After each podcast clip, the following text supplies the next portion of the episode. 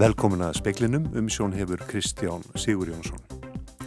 Vetrar færði er um land allt eftir óveður næturinnar og morgunsins spáði leiðinda veðri næsta sólaringin. Ramasleysi var víða á Suðurlandi í dag en ströymur er komin á.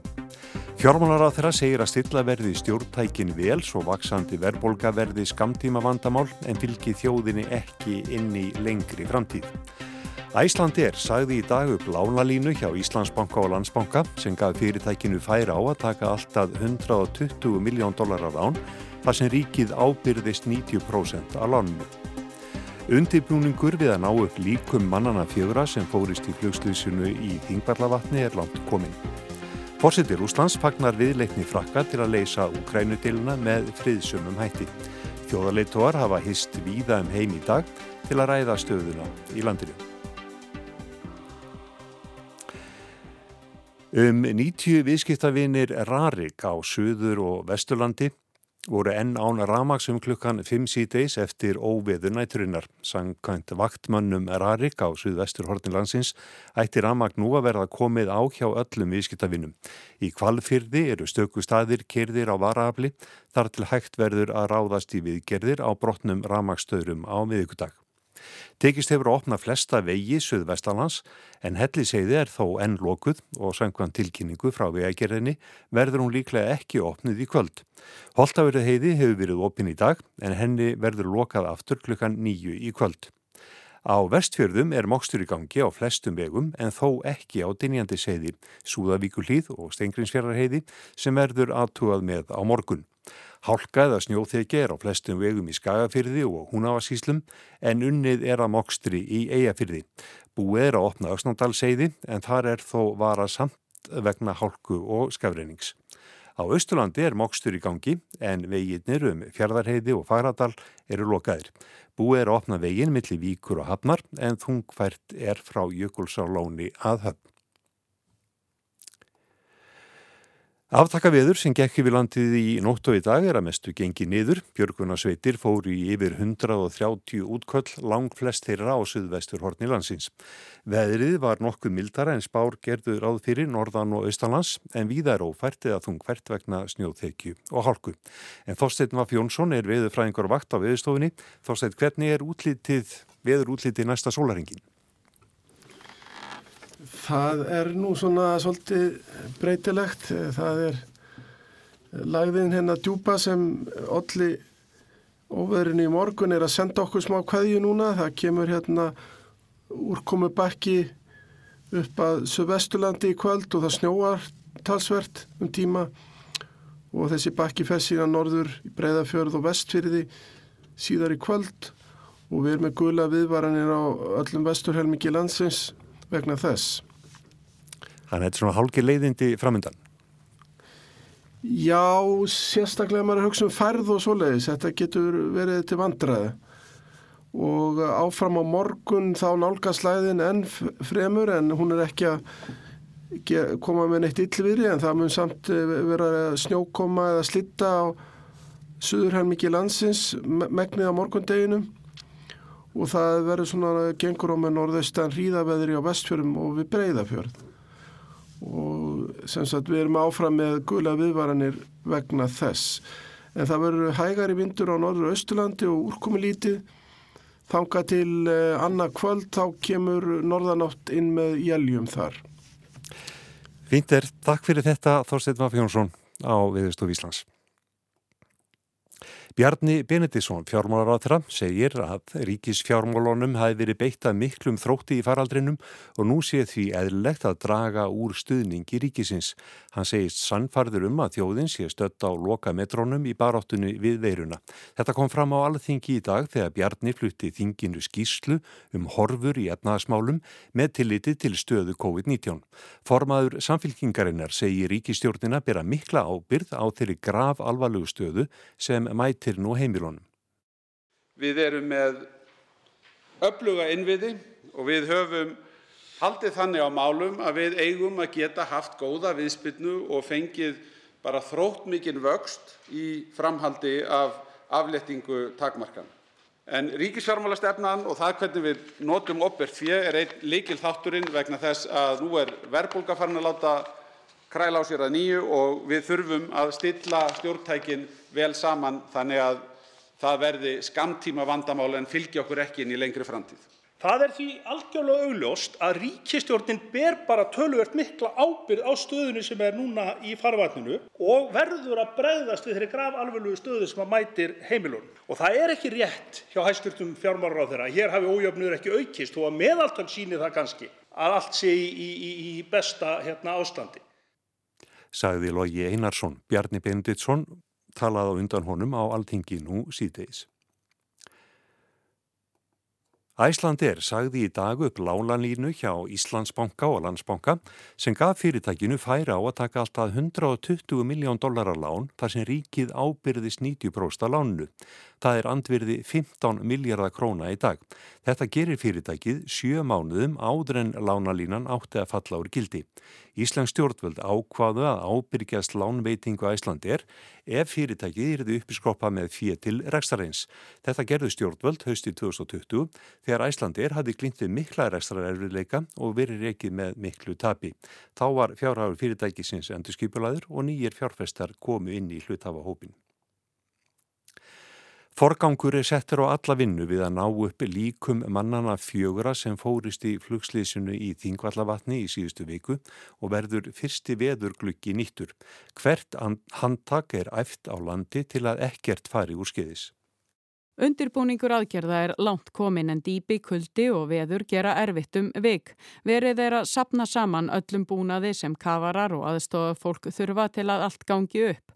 Ottur Árnásson er yfir lauraglu þjóttn á Suðurlandi. Það lítur ekkit vel út eh, svona hvorki í dag eða morgun og, hérna, og við verðum bara að sjá hvernig gengur. Ottur segir mjög mikilvægt að undirbúa hvert handtak. Þegar þú kafar niður á þetta dýpi að þá eru hefur hver kafari 20 eh, mínútur fyrir köfun. Eh, hann má kafa einu sinni á dag.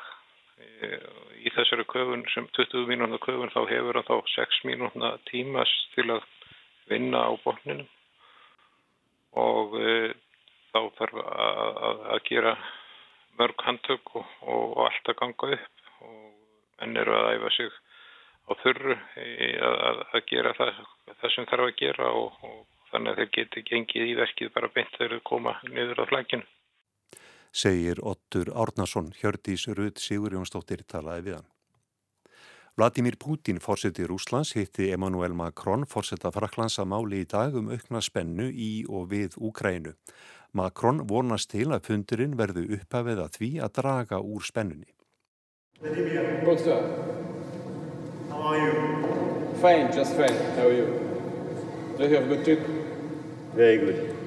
Það fór vel á með Vladimir Putin og Emmanuel Macron við upphaf fundar þeirra í dag. Á bladamannafundi rósaði Putin frökkum fyrir að taka fóristu í öryggismálum í Evrópu.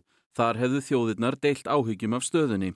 Macron saði á móti að þessar viðræður gætu verið upphafið að því að draga úr spennu, finna þyrti svör og lausnir sem gagnuðust bæði rúsum og Evrópu í heilt. Fleiri fundir eru fyrirhugaðir. Nú á sjönda tímanum á að hefjast fundur Olaf Scholz, kanslara Þískalands og Joe Biden bandaríkjafósita í Washington. En sáfundur munað miklu leiti snúast um hvernig bregðast eigi við herflutningum rúsa að landamærum Úkrænu og hugsanlegri árás í kjölfarið. Þar hefur leiðtógum þjóðana greint á.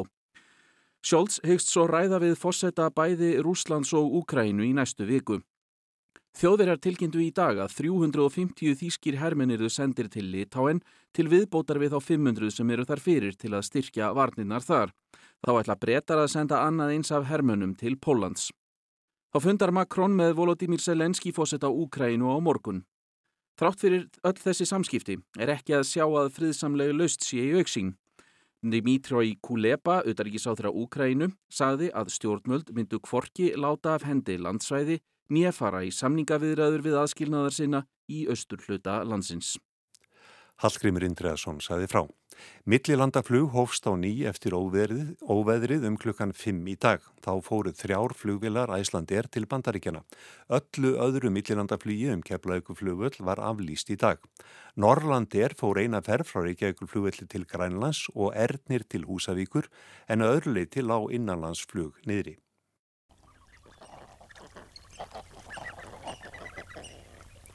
Áform borgaryfirvalda um landfyllingu í Grófavík í Skerjafyrði í öðrum áfanga nýrarbyðar þar hafa fallið í grítanjarveg hjá mörgum sem sendt hafinn umsagnir í skipulagsferðli málsins. Tilstendur að byggja í svo kallari gróf, svæði á milli Suðurendari geguflugvallar og eistri enda núverandi byggðari Skerjafyrði, alltaf 1300 íbúðir. Í fyrri áfanga er gert ráð fyrir hátt í 690 íbúðum. Súbyggð yrði öll fyrir ofan núverandi fjöru. Í öðrum áfanga er hins vegar þörf á landfyllingu á ríflega 700 metra löngum kapla sem næði 100 metra út í sjó. Í frum matskíslu sem verkfræðistofan Ebla gerði fyrir Reykjavíkuborg kemur fram að framkvæmdinn hefði talsverð neikvæð áhrif á fugglalíf og verndarsvæði og verulega neikvæð áhrif á gróður, strand og sjávalífriki. Til mótvægis þessu er ætlirinn að móta strandlengju landfyllingarinnar þannig að hún líki eftir náttúrlegri strönd til að auka líkur á því að þar myndist leirur á ný. Ólafur K. Níelsen, formaður fugglavendar og Jóhann Óli Hilmarsson, fyrirverandi formaður félagsins, gaggrína þessar hugmyndir harlega í grein sem þeir skrifið í kjarnanum helgina. Speillin rætti nánar við Ólaf um gaggríni þeirra félagar. Lífriki fjörnar er mikilvægt. Það hefur hátt náttúruvendagildi og líka útivistagildi og það er búið að eidilegja stóran hlut af náttúrulegum fjörum í landi Reykjavíkur. En það er allar fjörur við norðurströnd Reykjavíkur en það er síðan önnur saga í skerjafyrðinum. Það er enn stór hluti fjörunar lítið óraskaður og þetta er lífrikt svæði og mjög vinsælt útífestisvæði borgarana og fugglarnir setja hvað sterkastan lit á þetta svæði, þetta útífestisvæði, fugglarnir sem að sækja í fjöruna. Þannig að það er okkar skoðun að það er ekki að ganga frekar á náttúrulega fjörun í landi Reykjavíkur. Og við höfum að haga okkar skipalagi og framkvæmdum þannig að við getum tryggt vend þessara svæða. Því að ef það verður ekki gert tekin slík hörða ákvarðun að þessum fjörum verður ekki raskað þá er alveg ljóst að smám saman munu þessa náttúrulegu fjöru sem eftir er í skerjafyrðinum þær verða eðalagðar lagðar undir mannvirki og ekki vantar hugmyndirnar. Og núna er það uppfyllingar í gróavíkinni og það mjög koma fram aðrar hugmyndir og er í gangi. Þannig að það þarf á einhvern lögformlega máta að segja fjaran er friðuð, við viljum ekki að ganga á hana frekar. Og þetta er ekki bara þannig að síðan fjaran í skerjafyrði, þetta er líka grunnsæfið og skerjafjörður hefur alþjóðlegt náttúröfundaðgildi út af fugglaskarunum sem að þangað sækir. Og þetta er ekki bara þá fugglarnir sem að sækja í fjörurnar, heldur líka fugglar sem að nýta grunnsæfið. Og þessar uppfyllingar sem eru bóðar þarna í grófvíkinni þær er að skerða kvorutveikja, þær skerða fjöruna og einni ná uppfyllingarnar út á grunnsæfið og síðan alltaf er að bæta um betur og hanna nýjar fjörur fyrir utan fyllingarnar. En við segjum að það sé bara tálsinn. Er ekkert að marka þær áallanir? Í sjálfstér er þetta góðra gælda verðt sko, að koma fram með mótvæðisaðgerðir og vera tilbúin að leggja pening í það en við höfum þarna ákveðin verðmæti sem við vitum hver eru. Gróavíkin hún er mjög lífrík og í samanburði við önnur fjörusfæði á þessari gönguleið þá sker þessi vík sig úr. Bæði varðandi aðgengileika og eins fjölda þeirra fuggla sem þangað sækir. Þannig að við vitum hvað við erum með og að eidilegja þetta og síðan að halda út á grunnsæfið með einhver aðgerðir þar sem á að búa til fjöru. Í árangurinn að því er í mestalagi vafasamur og þetta mun taka, ef þetta gengur upp þá mun þetta taka fleiri fleiri ári eða ára tugi þannig að við segjum að þetta sé tálsinn En má ekki segja sem svo að það sé nóga fjörum og snertum fjörum á Íslandi. Þetta er í þjettbíli miklu þéttbíli, er ekki eðlilegt að eitthvað verði undan að láta? Já, hvaða kröfur gera borgararnir? Þú vilt hafa svona steinsnar frá þínu heimili einhver svæði sem eru náttúrulega og lífrík og svæði sem getur heimsótt með lítilli fyrirröfn. Því er ekki lengur fyrir að fara við norðurströnd Reykjavíkur en það er í skerjafyrðinum og svæðið dregur að. Jú, það er enginn þverbrestur í stopnum þessara fuggla sem að nýta þessi svæði þó þeir eru öll eðilögð. Við erum aðalega þá að gera okkur sjálfum ógreiða. Svæðin hafa gildi fyrir okkur. Þannig að á kannski landsmælikvarða eða heimsmælikvarða vega þau ekki þungt en staðbundið fyrir þetta fólk sem að býr þarna þá hefur þetta svæði sannlega gildi og við viljum þess vegna fyrst og fremst venda það. Ólaður, nú hefur verið bent á það að fjaran þarna hún er ekkert óspilt, þarna var herin með starfsemi á styrísárónum og, og þarna var ólíustu og það hefur verið stiftið stokkar þarna út. Er ekki búið eðliki fjöruna hvort sem er? Já, bara ef við skoðum alla fjöruna Reykjavíkum eigin í Skerjafyrði og byrjuð þá inn í fosforsbotni og förum síðan alveg yfir í skjól þar sem að landamærin að seltjarnan í þessi eru. Þá er þetta einhvað um 5,6 km af fjöru. Og það er búið að spilla um 0,8 km eða 800 metrum af fjörunni. Og það eru uppfyllingar við flugbröytina og síðan eh, hluti af fjörunni var lagður undir baðstæðin í Nautólsvík og einni var smá vægilegur hluti fjörunar tekin í skjólunum undir skopdælustöð og þetta eru raun að vera þessi þrýr blettir þar sem að fjörunni hefur verið algjörlega spilt og endalega spilt en þetta er eins og ég segja þetta er bara lítill hlutur af þessari náttúrulegu fjöru frá fósforsbotni inn í skjól eða þetta er um 14% af þessu þannig 86% af fjörunni er ennþá til staðar með náttúrulegu yfirbræði. Jú, það eru sjóarnargarðar, vestarlega á svæðinu en fjaran sjálf. Garðarnir eru fyrir ofan fjörumörk en fjaran sjálf er náttúruleg. Og þessi vík sem um er að ræða sem hún er með náttúrulegu yfirbræði. Jú, það var þarna oljubrygga og stöplarnir eru eftir en þeir spill ekkit fjörunni þanniglega séð og fugglarnir nýta þessa stöpla á flóði eins og tjaldur, sendlingur, stelkur og tildra þeir þegar flóðir og fjaran öll undir sjó sem þá sitja þeir á stöplunum og sofa og kvíla sig og býða eftir að flæði út aftur. Þar hafa þeir frið. Þessi vík sem um er að ræða, Gróavíkin, allt hennar yfirbræð er náttúrulegt. Það hefur ekki verið fyllt út í hana, neitt. Flúöllurinn uppfyllingar markana núna að austamerðu en annars er víkin náttúruleg og óvíða annar staðar á þessari gunguleið er já gott tækifæri að fylgjast með fugglum.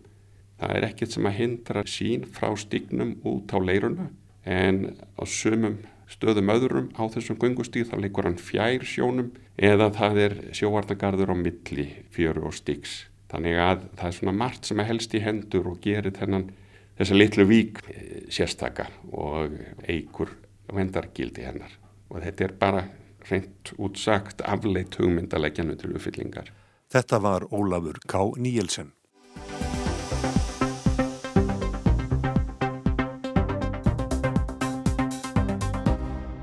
Nú eru 15 ár liðin frá því að uppkomstum illa meðferð á drengjum í Breiðavík á síðari hluta senustu aldar.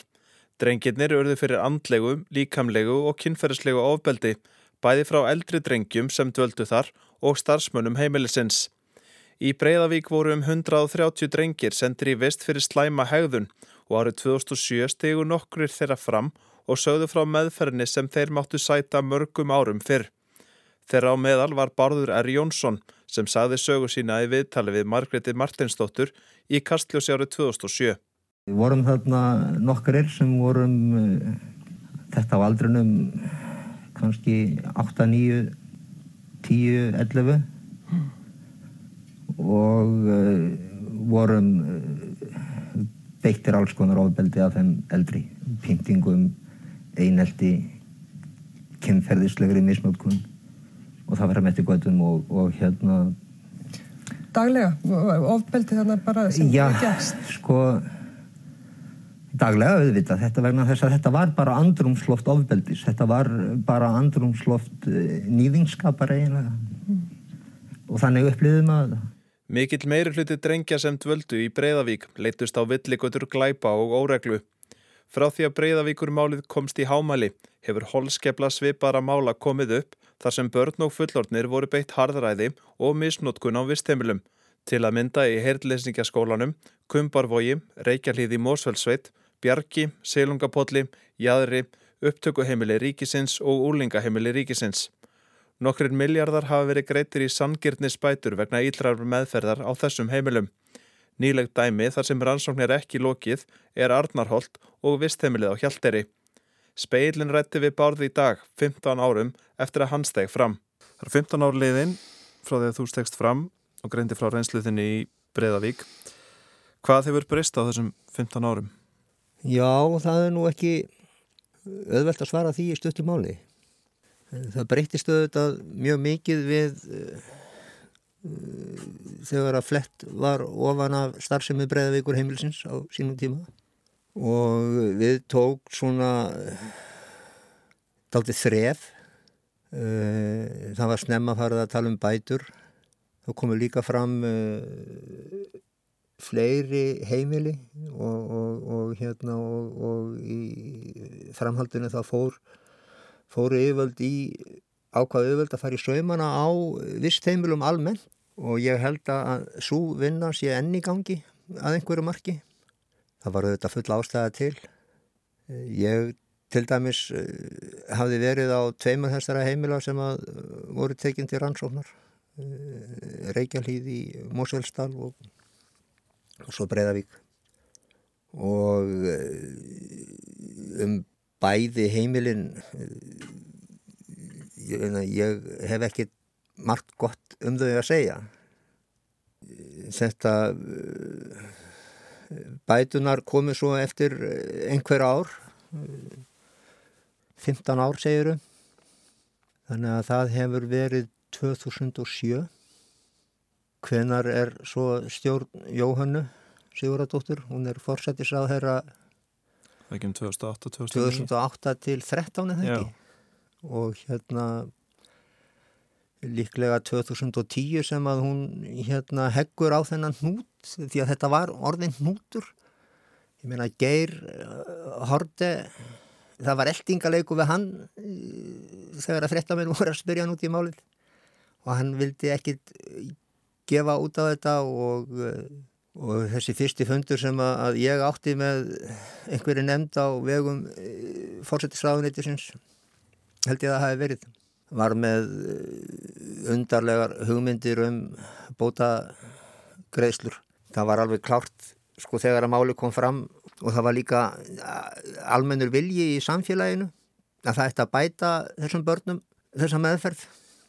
Svo kom, var þetta til þetta hugtak, sangirninsbætur og ég veit nú ekki sko þetta er auðvitað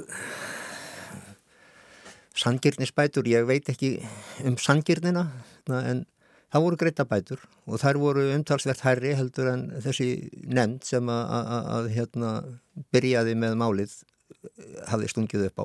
Og það má þakka Jóhannu sem að hérna afgreitið þetta allavega sko, en ég veit ekki ég hef aldrei litið á að, að það, það hafi verið endanlega afgræsla af því að eh, sko ánfram eh, kraumar undir niðri félagslegt óréttlæti sem er þessi hópur fólks eh, sem nú er margt hvert eins og ég komið á eftirlaunaldur og dáið.